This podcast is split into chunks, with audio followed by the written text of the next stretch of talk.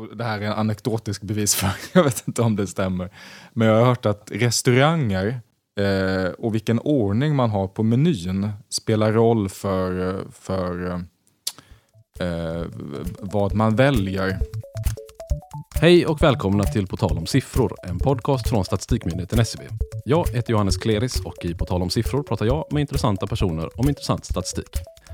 I det här avsnittet pratar vi om journalistik och statistik, om hur bra eller dåliga journalister är på att använda statistik.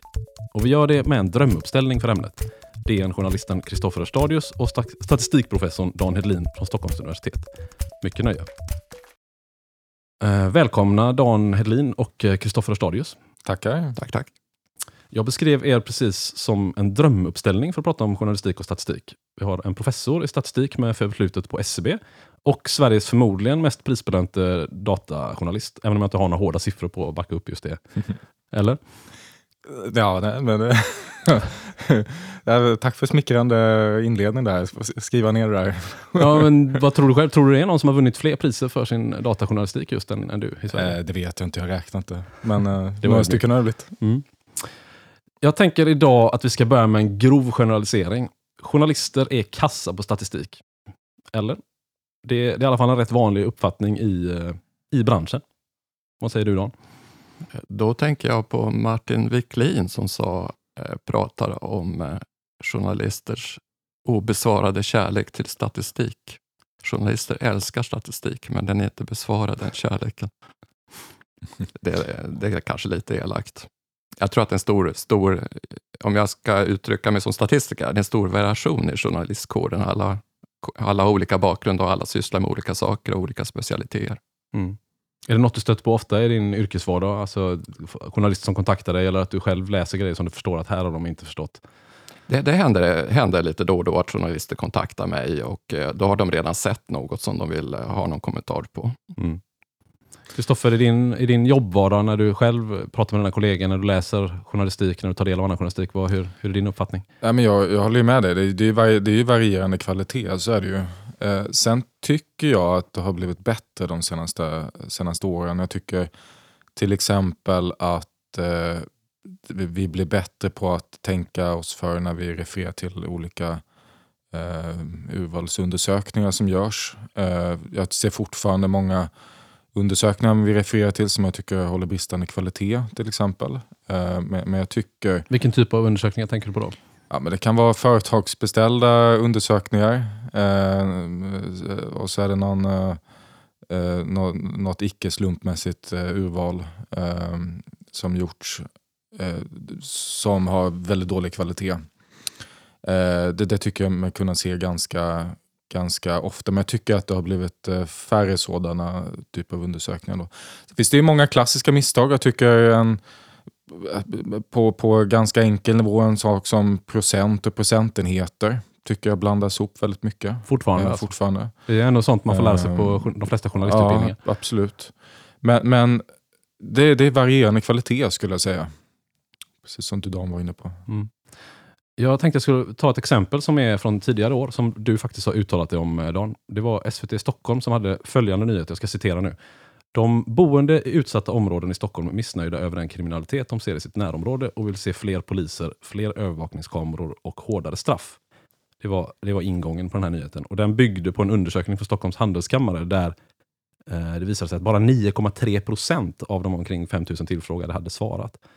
Då, det leder mig till två frågor är det statistiskt möjligt att dra den typen av slutsatser med en så låg svarsfrekvens? Och hur vanligt är det med den här typen av eh, nyheter i svensk nyhetsrapportering? Vad skulle du säga Dan? Ja, 9 procent det är för dåligt och det, jag tror att det var det jag sa där också i den intervjun. Eh, det, det, det, det, är inte omöjligt att, att den statistiken är rättvisande ändå, men det är väldigt, väldigt riskabelt att gå ut med något sådant. Och Sen är, det, sen är det väldigt svårt att bedöma bortfallsfelet och eh, man kan inte bara gå på bort svarsfrekvensen. Eh, så, så det, det, är ett svårt område, förstår jag. Men, men eh, just Stockholms handelskammare har ju, har ju varit lite oförsiktiga med sin statistik tidigare också. Jag tänker annars är det just sådana grejer som journalister får lära sig, att, man, att det finns kanske ett, en minimiandel som man ska förhålla sig till när det kommer till svarsfrekvens. Att, ja, men om vi ska skriva om en undersökning så måste den eh, ha min, minst den här svarsfrekvensen. Men det, det kan vara galet att tänka så då menar du? Eller? Det, Ja, det, det är egentligen inte så enkelt. Sen förstår jag ju att man eh, eh som journalist eller som en masstidning måste ju fatta ett snabbt beslut och då är det ju praktiskt att ha någon tumregel eller kanske någon regel som för, gäll- gäller för hela, hela tidningen. mm. Att eh, normalt så ska vi ha minst det här och det här. Eh, annars så ska det vara något mycket speciellt. Det förstår jag ju, men, men egent- egentligen är det inte alls så enkelt. Och sen är det ju så att, att många svarsandelar går ju sakta men väldigt stadigt ner. Så att eh, för några år sedan kunde man nog hitta statistiker som sa att, att under 50 procent, ja då blir det ju bara skräp. Kasta i papperskorgen. Och det skulle betyda att en del av SCBs undersökningar är färdiga för papperskorgen idag. Jag tar inte minst AKU, alltså arbetskraftsundersökning. Det väl 60 procent tror jag.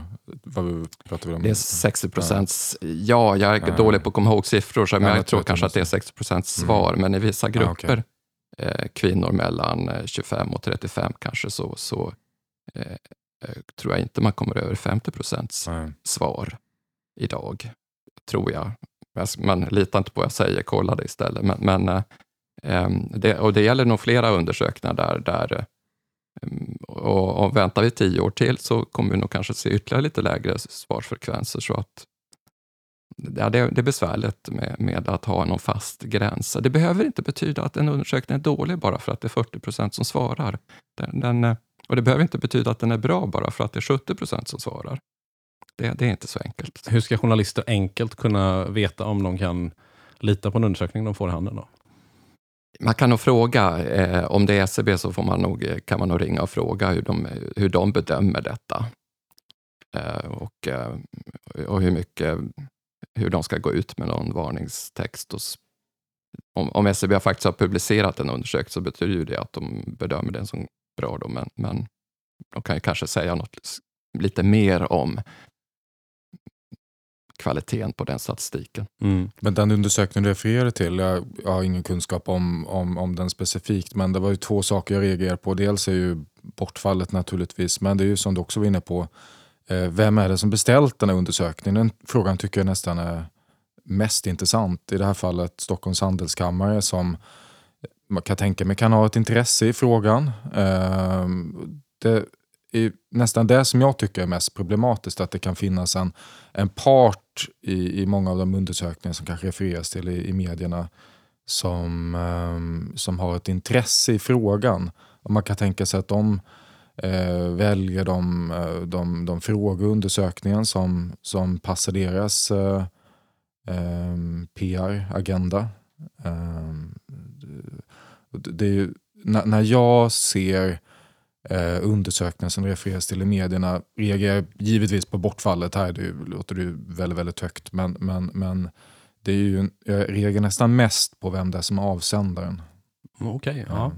Det, det, det låter ju lite som att du är inne på det, ett uttryck som det slängs, som man slänger sig med ute i, framförallt i sociala medier alldeles för ofta och det är det här med dold agenda. I det här fallet skulle det faktiskt vara en dold agenda då. Egentligen. Den Det- blir ju dold åtminstone i, i rapporteringen. Om den kommer från en PR-byrå till exempel.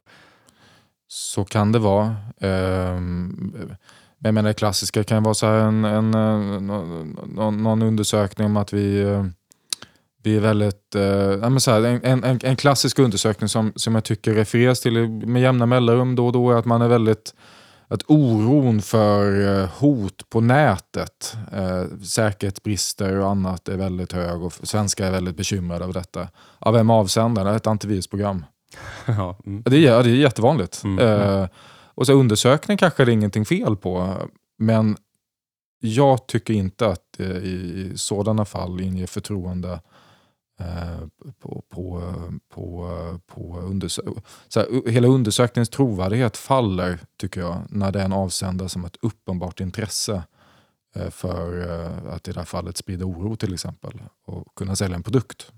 Och att avsändaren har ett intresse i, i eh, att förmedla ett visst budskap med en undersökning, det är ju inte särskilt ovanligt egentligen. Om man bortser från kanske SCB så är det ju så att nyhetsredaktioner översköljs ju av mer eller mindre seriösa undersökningar varje dag. Från olika bolag som vet att det är lättare att få genomslag om de kan paketera sitt budskap med, med lite hårda siffror. Och, för, för om, man, om man vänder på det, om, om samma antivirusprogram gör den här undersökningen och så visar den att, att svenskar inte alls är oroliga.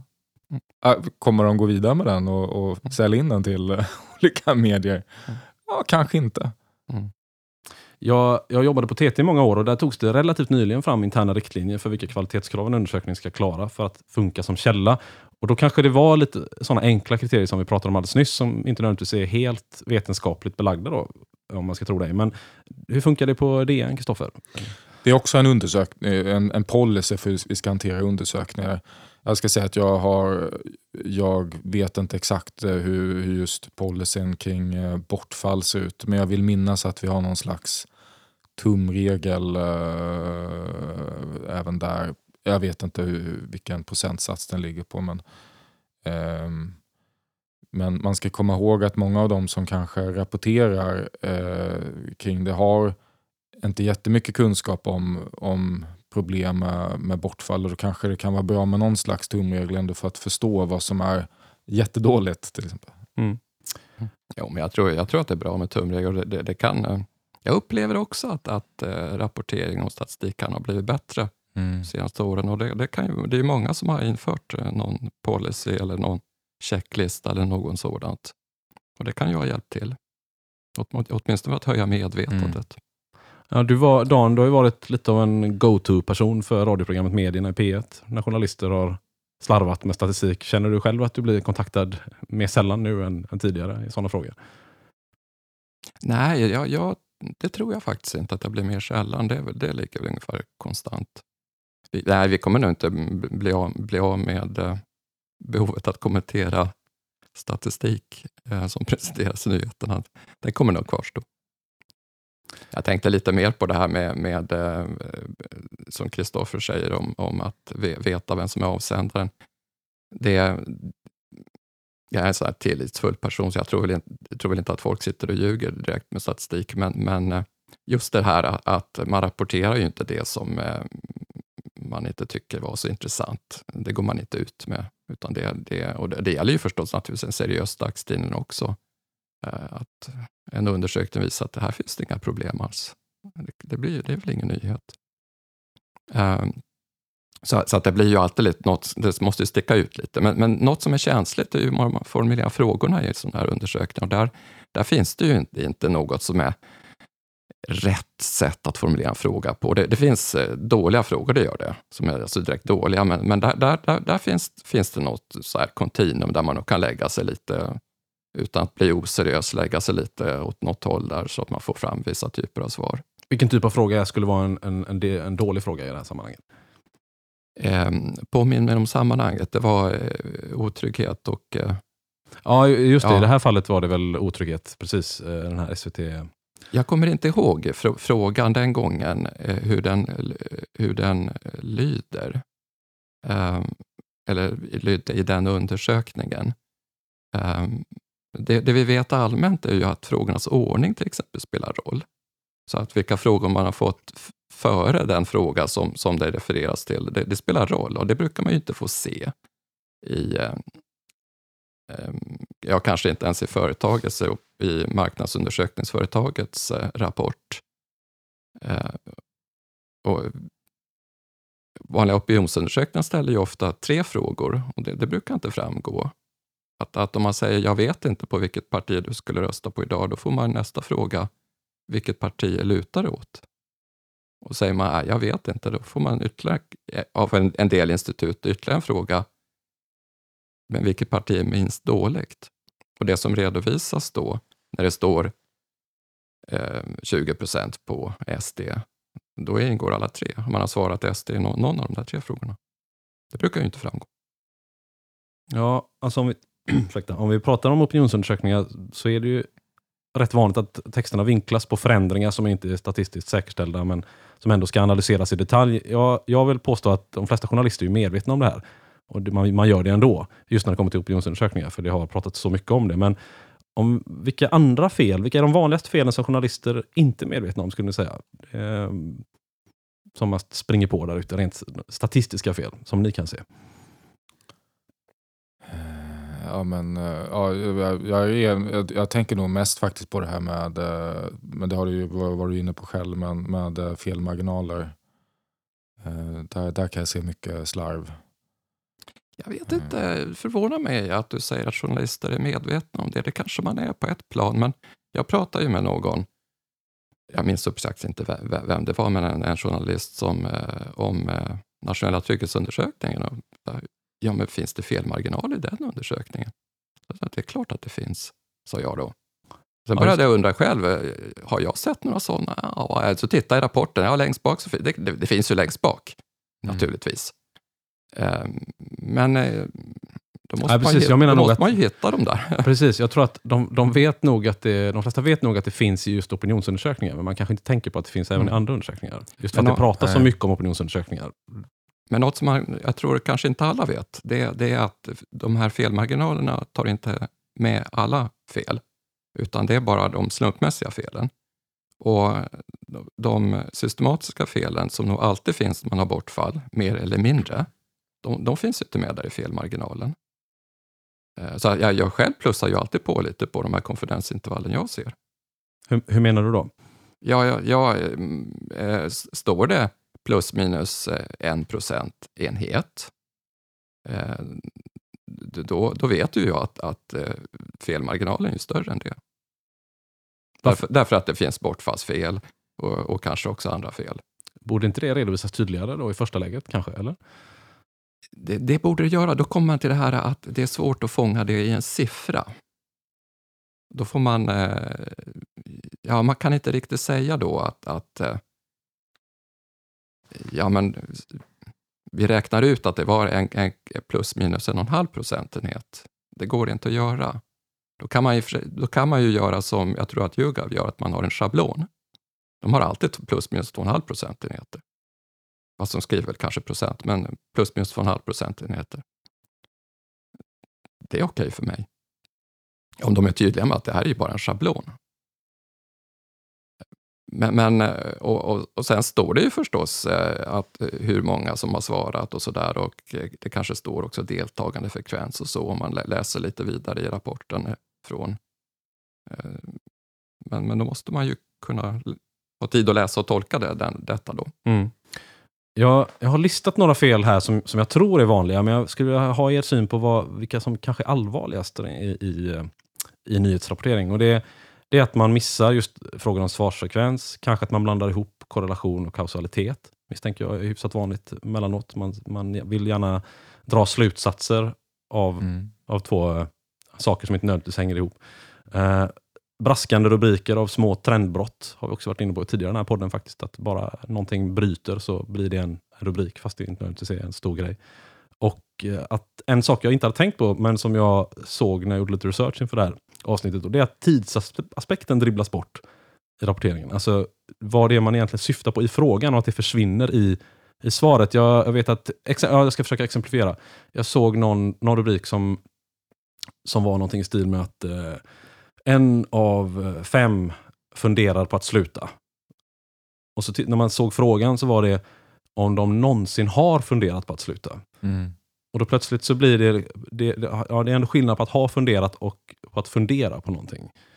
Vad, vad tror ni? Vad är, vad är vanligast det, av de här och vad är allvarligast? Ja, den där sistnämnda är ju bedrövlig för så här, alla har väl, jag, jag, jag trivs superbra på DN och jag har inte för avsikt att sluta men det, det är klart att alla människor har väl någon gång funderat på att byta jobb. Eh, och det är klart om jag då räknar som att, att, att jag skulle då vilja byta jobb, för det vet jag, det är ju en sån som du refererar till som, som varit rätt mycket uppmärksammad. Ja, det var den med, jag Ja. såg flera, bland annat Polisförbundet har, har Mm. gjort en sån enkät och även faktiskt tidningen Journalisten hade det om journalister på HD Sydsvenskan tror jag. Uh, samma sak, alltså det är alltid, har du funderat på det och så blir det funderar på när det blir rubrik. Mm. Det, Jo, jag, jag blev ju tillfrågad om den som Polisförbundet gjorde. Och eh, det, där har vi ju kanske återigen någon som har en, en beställare som har en agenda. För det är ju en facklig förening. Som, eh, ehm, jo, eh, tidsaspekten försvinner ofta. Det, det är ju ett, en sak. Jag tror det är lite svårt att säga vad som är allvarligast. Det beror nog på vilket fel som är allvarligast. Men, men det var väl en, en eh, bra uppräkning du gjorde där då. Eh, ja, återigen kanske de här hur frågorna ställs Mm. och att man åtminstone har möjlighet att få se frågorna på alla frågor som ställs. Det, där kan det ju finnas någon eh, kundkonfidentialitet ibland, att man eh, kanske inte vill visa upp en del av frågorna därför att de är, de är beställda av en annan kund. Kristoffer, har du något att tillägga där? Men jag tänker också lite på det som vi var inne på innan med eh, om man tänker sig in i situationen själv när man de, de gånger det händer att någon ringer och, och, och eh, ställer frågor, SIFO till exempel eller SCB. Eh, jag, jag tycker den här aspekten som du Dan var inne på innan med att, att när det är väldigt många frågor så märker man ju själv om man får någon enkät man ska fylla i på papper att ja, när man har på med den eller medarbetarundersökning eller vad det nu kan vara. Efter, fem minuter då börjar man ju ledsna. Och då kanske man svarar på ett sätt som, ja, me- mest för att man vill ha det överstökat. Mm. Ehm, jag ser ju problem med undersökningar som är stora. Eh, det är också en aspekt som man inte riktigt vet. i jag, jag misstänker när det är en, en, en SIFO-undersökning som rapporteras i, i medierna, då kan det vara en, någon som ringer och så är det ett, ett, ett 30 minuter långt samtal och så är det någonstans där, kanske på slutet, som en, en, en, eh, en fråga eh, an, används. Och det, det, det, är klart att, det är klart att den aspekten är ju inget som man i efterhand kan kontrollera. Eh, jag vet, jag vet om att när, när vi använder eh, Ipsos eh, som är vårt opinionsinstitut och när vi ställer frågor då brukar vi växla ibland mellan, eh, eh, det, är väl säkert en, en vanlig tillvägagångssätt att man, att, att, man, att man byter ordning på frågorna eller svarsalternativen. Det här låter ju också som något som är omöjligt nästan att förmedla i en rak nyhetstext. Alla Mm. de här parametrarna och nyanserna. Jo, så är det ju. Mm. Så det kanske inte går att komma runt tänker jag. Samtidigt. Jo, att svarsalternativen växlas slumpmässigt tror jag, det, det har jag ju sett. För att en, en del undersökningar av, sån, av den här typen, där man anmäler sig själv till en panel, som jag har gjort, då, då, då händer det ju att jag fyller i samma undersökning två gånger för att jag har anmält mig själv två gånger, eller tre gånger till och med har jag klarat av ganska ofta. Och då ser jag ju att svarsalternativen kommer i en annan ordning. Det är ju bra, för det, det är ju välkänt att man klickar oftare på första och sista svarsalternativet i, i alla för listor. Ibland kan man inte göra det därför att det finns någon, någon naturlig ordning och det ser väldigt konstigt ut om man bara slumpar ut den. Men när det gäller politiska partier så har jag sett att det har ju blivit det, det verkar ju vara standard numera i, i webb, internetundersökningar, att de kommer i olika ordning. Det här med om frågorna kommer i olika ordning. Ett exempel som jag gärna tar när jag pratar om det här, eh, för jag tycker det är intressant, det, och det, det, det har gjorts många experiment på det, det är om man frågar folk om de är lyckliga rent generellt i sitt liv. Och sen eh, om de är gifta, då har man frågat först, eh, är, är du lycklig i ditt äktenskap? Och vänder man på den, så man börjar med äktenskapet och så tar man den här generella frågan sen, då får man andra svar. Nu, nu, nu, det där är komplicerat, så det, det, de här experimenten ger lite olika, alltså lite spretiga resultat och det beror kanske på att det, det, är flera, flera olika kognitiva processer som pågår i vårt huvud samtidigt när vi tänker på det där. Och det gör, tycker jag ju då att det blir mer intressant. Eh, ett gammalt 50-talsexempel som vi brukar stå i böckerna, det, det är om man, det är amerikanska undersökningar, man frågar folk i allmänhet om eh, journalister från Sovjetunionen ska få verka fritt i USA och rapportera fritt. Och så nästa fråga, ska journalister från USA få verka fritt i Sovjetunionen? Där har ju frågans ordning betydelse. För har man sagt först att ja, amerikanska journalister, de ska ju få vara fria, då, då kommer många att känna på sig att ja, men det måste nog, då måste det ju faktiskt rimligen gälla åt andra hållet också. Det, det är ett 50-talsexempel. Men det är ändå väldigt tydligt. Jag känner redan efter den här korta stunden vi har pratat att eh, om jag fortfarande var journalist skulle jag knappt våga skriva om någon undersökning. men jag tänkte med, med, det där är ett jättebra exempel, men man kan ju också ta det här med trygg, trygghet till exempel. Vad är det? Mm. Vad är det att vara trygg? Eller otrygg? Mm. Det är ju, det är ju eh, en, en, situation som kan vara otrygg för mig, kanske inte otrygg för dig. Eh, en, eller en, en, en situation som är otrygg i en, eh, för en, en, person som bor i ett eh, villaområde kanske inte är eh, otryggheten där kanske inte är samma som en person som bor i en, ett utsatt område till exempel. Um, då, då, kanske man snarare ska försöka fiska efter konkret exempel. Liksom om man, eh, jag vet att eh, i, i NTU, eller i Brottsförebyggande nationella trygghetsundersökning, där ställer de även frågor, vill jag minnas, om eh, man vågar gå ut på, på kvällarna och sådär. Det tycker jag nästan kanske är en mer konkret fråga än om man är, om man är trygg. Mm. Uh, var jag trygg när jag cyklade till jobbet idag? Ja, jo men det var jag nog men du kände Samt, dig trygg? Mm. Ja, ja, men, ja, precis. Ja. Mm. Ja, man, kan, ja, man kan ju vilja fråga efter känslan helt enkelt. Känner du, ja, känner du dig trygg? Och så redovisar man det, känslan och det, det, är klart att den är olika för olika personer. Men, men just eh, Statistiska centralbyrån, Brottsförebyggande råd, så de, de vill ju gärna försöka specificera på något sätt. Och det, och det är ju jättebra. Ja. Hur, hur många gånger i veckan har du svårt, tänker du så mycket på ditt jobb att du har svårt för att somna på kvällen? Istället för att fråga, är du stressad? Ja, det är mm. sån här. Mm. Men, men angående det här med svar, jag måste bara ge en, en, ett annat exempel. Det här med svarsalternativens betydelse. Ja. Eh, så, så lärde jag mig för, för någon vecka sedan att, att och det här är en anekdotisk bevis för, jag vet inte om det stämmer, men jag har hört att att, att restauranger eh, och vilken ordning man har på menyn spelar roll för, för eh, vad man väljer. Som till exempel av den, den restaurang som jag äter på, på vid mitt jobb eh, har bytt ordning så att det vegetariska alternativet står först. Och de hävdar att de säljer mer eh, vegetarisk mat efter det här. Jag har ingen aning om det stämmer, men, men jag kan mycket väl tänka mig att du var inne på första och sista alternativet eh, i, eh, när det gäller, eller undersökningar. Jag tror att svar, ordningen kan ha betydelse. Det kan det nog ha. Jag har faktiskt en, en nära vän som är butikschef i en vanlig matbutik. Och De jobbar hela tiden med ordningen på hur saker och ting står i affären. För det påverkar mm. hur mycket de säljer av varje mm. sak. Mm. Så, så det är säkert så. Hörni, eh, nu är det dags att lätta upp stämningen lite med det återkommande inslaget Åh fan statistik. Eh, vi har alla tagit med oss varsitt statistiskt faktum som de andra inte känner till. Uh, är det någon av er som känner för att börja? Med vad ni har med er? Som jag, ni ska presentera för oss, så ska vi se vad vi Jag, jag har ju med mig en graf här, det är ju väldigt, eh, det, det, är ju inte särskilt poddvänligt. Eh, men, men jag ska försöka förklara den här. Jag tog en bild på den i, innan, innan jag kom in här. Eh, jag visar den för er så ska jag förklara den samtidigt. Eh, det här är en, en graf, eh, visar den så här.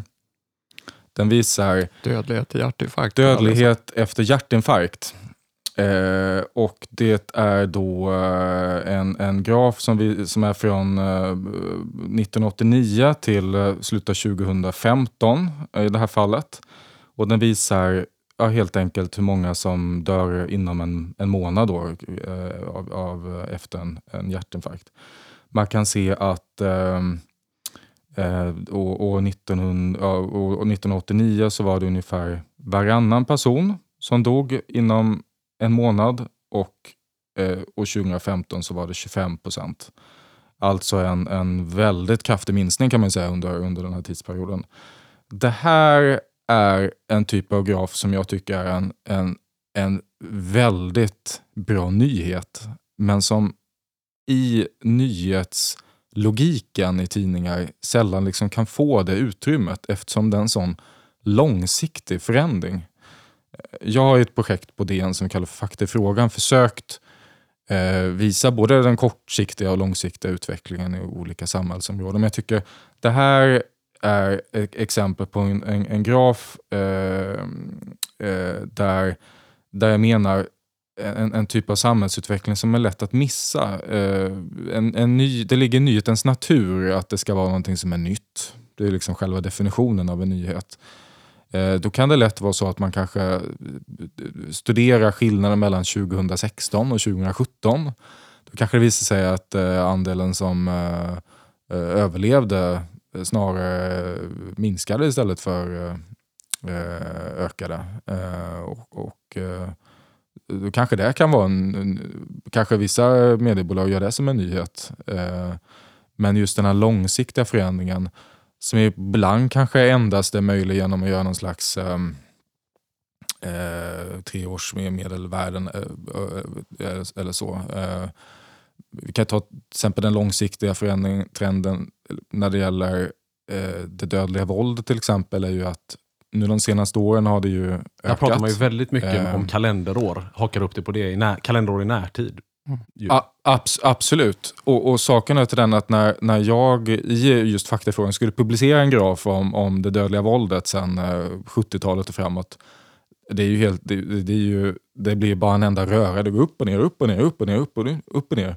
Men om man, om, man, om man ser till att jämna ut de där kurvorna så ser man ju att det har ju över, över tid faktiskt har ju det dödliga våldet från befolkningen eh, minskat. Men min poäng med den här grafen var att jag tycker att det finns det finns förändringar eh, som är långsiktiga, som är, som är väldigt intressanta men som eh, sällan får den eh, uppmärksamhet som jag tycker Det kanske är väl därför de klimat, klimathotet har haft så svårt att ta sig in på nyhetsagendorna. Absolut, och, och klimathot, det där, där, blir jag, kan jag, där, där stirrar man sig väldigt blind på kvartalsstatistik. Man jämför utsläpp eh, kvartal 1 eh, 2018 med kvartal 1 2017. och Det är, liksom, det, det, det är så dåliga siffror att det, det, går inte att dra de där slutsatserna. Mm. Ja, förlåt, nu blev nej, det var, nej, men det var, tycker, ja, det var väldigt bra poäng. Och den här grafen är också ett bra exempel. Nu får ju lyssnarna föreställa sig den. Men hur, bra exempel på en grej som blir väldigt, väldigt tydlig just i en graf. Viss statistik gör sig verkligen, verkligen en graf när man kan se en sån Ja, men det ser kurva. ut ungefär rakt som ner. en, eh, nu Ser får ut som jag en skid- har fel, men det ser ut ungefär som en skidbacke. Ja, Mm. ja men precis. En eh, grön backe, eller vad heter de?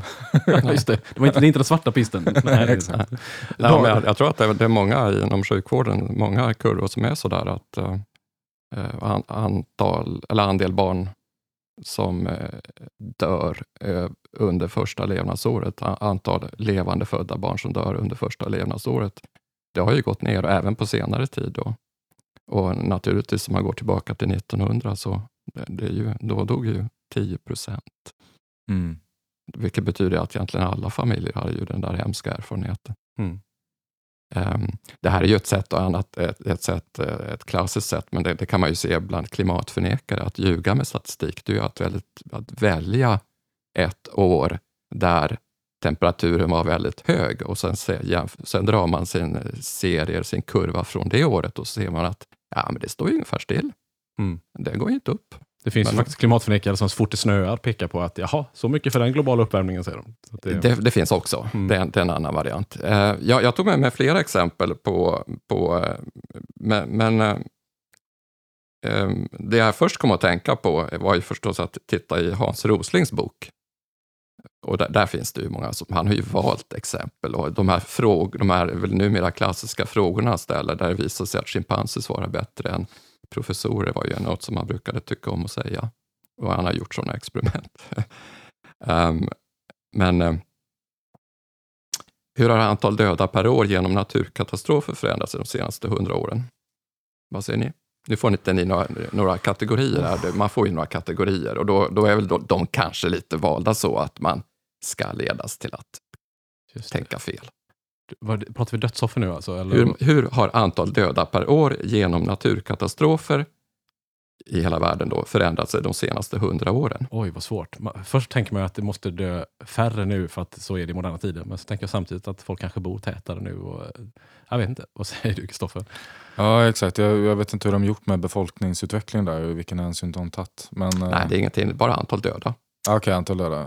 Ja, då, men, då kan man ju eh, tänka sig att ja, då, då är blir de väl fler, Ja, det. Då ska man tänka sig att det blir fler därför Ja, att men jag säger en halvering då. För, Ja, Ja, men kan du till- säga en dubblering bara för att säga statistisk känsla. Kristoffer hade precis rätt. Ja, måste ju låta gästerna skina lite. Här. Okej, Ja, okej, kanske att eh, Ro- Rosling har väl en agenda där också. Han vill ju visa på framgångar. Va? Mm. Världen har blivit bättre. Eh, en annan sak som jag, jag, eh, jag hade anledning att här för ett par år sedan börja hålla på lite med körkortsteori igen. Um, haft körkort sedan 80-talet. Antal döda i trafiken. Um, och nu, och då, då, när, när jag eh, tog körkort så var det väl lite färre än tusen ungefär per år. Så tänkte jag att ja, det har blivit mycket bättre. Så eh, 500, ja, det är alternativet. Men det var 270 är rätt svar. Eh, och går man tillbaka till toppen, 1300 på 60-talet, så har det gått ner från 1300 till 270 per år. Och då ska man tänka på att det har ju blivit så mycket flera bilar. Det körs mycket mera, så mycket fler människor. Så tar man per 100 000 invånare så, har ju, så är nedgången ännu starkare. Och det är ju också en sån här, ja det är ju en nyhet. En sån här långsiktig, okej. trend, det är Mm. en sån här långsiktig trend.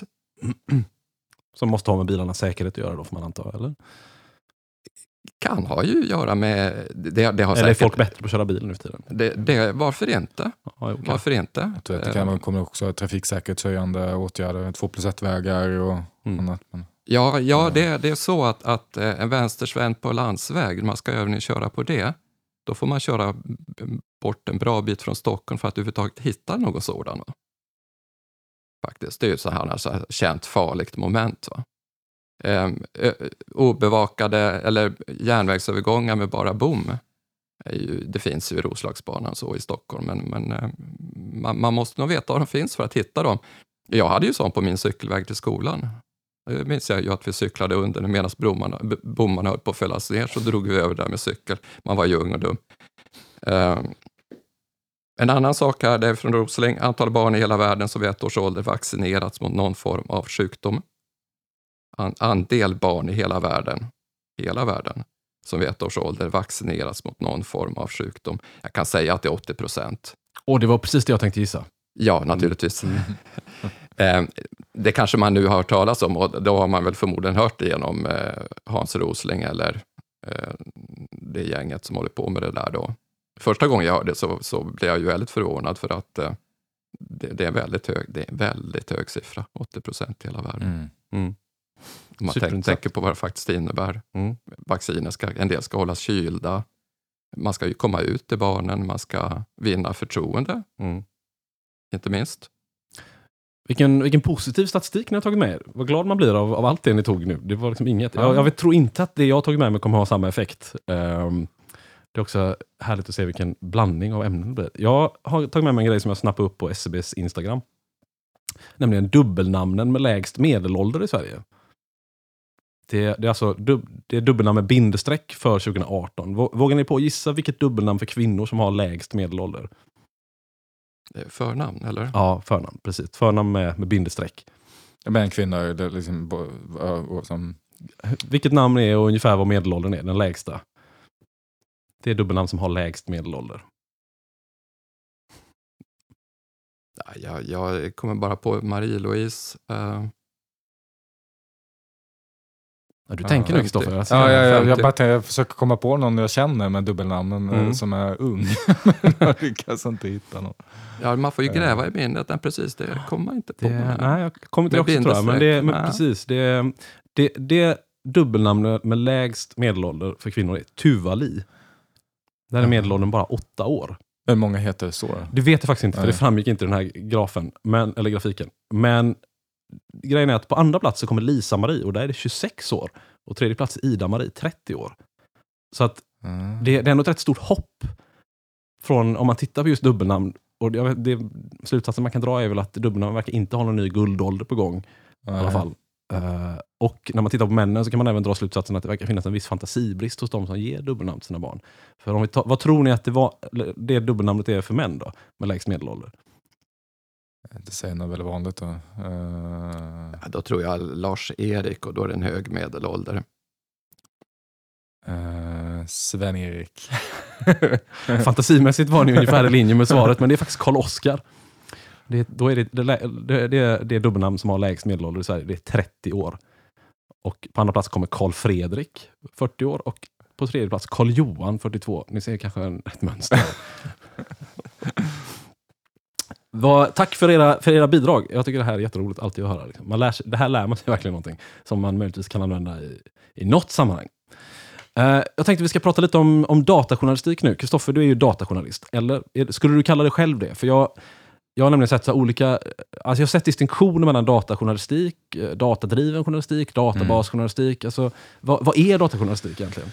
Jag, jag brukar, om jag får frågan av vänner vad jobbar du med för typ av journalistik, då brukar jag säga att jag jobbar med undersökande journalistik. För det är ofta det som är den typen av jobb jag gör. Men jag gillar ju att göra undersökande journalistik med hjälp av data. Men visst, datajournalistik kan man väl säga. Eh, eh, ja, men det handlar om att, eh, att, att på olika sätt använda data till att, eh, att hitta nyheter. Eh, skulle jag säga. Kan du ge ett exempel för lyssnarna när du säger data just? Vad, vad är det du tittar på då? Um, Ja, men det kan handla om, i den serien som jag haft i DN om, om, om fakta i frågan, det handlar ju om att helt enkelt då, att kunna analysera, eh, besvara en fråga om samhällsutvecklingen. Och det, det, är ju, det, är ju, det är ju svårt att besvara eh, frågor utan att kunna gå till fakta och, och data. Eh, Men eh, jag, jag tycker, tycka att det är ganska naturligt och det är därför jag vänder mig lite ibland mot just eh, begreppet datajournalistik. För jag tycker att så mycket av journalistiken som vill, eh, så fort man vill kunna uttala sig om samhällsutvecklingen så behöver man ju data i någon form. Men det är väl klart kanske att man använder det som originaljournalistik, kanske är lite annorlunda. Jag gör ju ofta mina undersökningar själv, så att säga, tar, tar, tar genom allmänna handlingar till exempel eh, bygger ihop ett dataset och sen gör regressionsmodeller eller vad det nu kan vara. Ja precis, det är väl där det nya ligger om något. Det är att man faktiskt inte bara förhåller sig till data som redan finns utan man tar fram ny data själv. Mm. Genom att slå samman olika, ja, korsköra statistik eller ta fram olika Ja. datasätt som man tittar och sånt där. Det, det är ju ändå någonting som man inte har kanske kunnat göra rent tekniskt fram till relativt eh, nära i tid får man väl säga. Alltså så länge Excel har funnits har det väl gått. Men, men nu med, i och med att allt fler register blir öppna och så vidare så blir det också lättare att göra den typen av journalistik. Vad, alltså vad, ehm, vad är det som gör den så bra ur ett samhällsperspektiv? Eh, jag tycker att den är ofta ganska tacksam att presentera eh, digitalt, inte minst, i, eh, i, i, på, på tidningssajt. Eh, eh, jag tycker att ofta kan det vara så att den, när, när jag gör en... Eh, det är klart, så här, när, om, om, om, jag, om jag ska besvara en fråga i, in, i, i faktafrågan till exempel, så är det klart att finns det svaret redan i en färdig undersökning eh, som till exempel SCB eller Socialstyrelsen eller så gjort. Det är väl klart jag använder det. Jag, jag, jag bygger ju inte ett dataset i, i månader för att jag tycker det är kul. Ja, det är kul också men det, så finns det redan så, så tar jag ju hellre det. Eller om det finns någon forskning på området. Eh, men jag har märkt att ganska många frågor som jag har letat efter finns det inget, inget svar på. Då har jag, har, har jag valt att göra det själv. Mm. Alltså, själv tycker jag just att det är kul att korsköra olika register och ta fram nya data, se vilka mönster man hittar som man inte har sett tidigare. Och sådär. Dan, hur ser du på datajournalistiken vad, vad gäller potential och, och finns det några risker också med att sätta för stor tilltro till den? För den, den är ju den är ju het ute på nyhetsredaktionerna. De flesta vill ju syssla med datajournalistik. Det, det finns många utbildningar. Det, jag tror många känner att det här är det, är liksom det man ska kunna i framtiden för att vara en duktig journalist. Ja, jo, jag, jag hamnar väl ofta i det där läget att jag, jag pratar om fel i statistiken. Det är lite synd. Jag, istället för att vara mer positiv. Så att, här, det, här finns det ju förstås fallgropar. Ehm, men vad- får jag fråga Kristoffer en sak? För att jag, det, det, något som jag funderar på, jag har följt vad du skriver då. Eh, och en sak är, hur får du in eh, dina data i din databas? Om det till exempel är papper eller om det är löpande text. Mm, ja, det är ju jätte, jätte, jättebra fråga. Um, när det gäller, jag, kan, jag kan ta två eh, ganska korta exempel. Eh, en undersökning jag gjorde i, där jag ville besvara frågan om eh, EUs makt på något sätt, om det ökar eller minskar. Eh, jag besvarade på alla möjliga olika sätt, men, men en, en som stod i fokus var hur stor del av våra riksdagsbeslut fattas eh, eh, och har sin grund i EU. Eh, och där eh, finns det digitalt så här, svensk författningssamling eh, med alla lagar och förordningar. Vad jag gjorde där var att jag byggde ett skript som gick in på ett datorprogram som gick in på eh, regeringskansliets rättsdatabaser och laddade hem alla lagar som klubbats de senaste 15 åren. Och i, den, i lag, lagarna kan man liksom eh, lyckas hitta på automatiskt sätt vad det är för Ehm, vad det är för proposition som ligger till grund för den aktuella lagen. Och sen får vi bygga ytterligare ett skript som, som eh, laddar hem alla propositioner genom att helt enkelt eh, en, en, ett litet program eh, som jag bygger som, som går in på regeringskansliets hemsida, söker efter den aktuella propositionen, laddar ner det.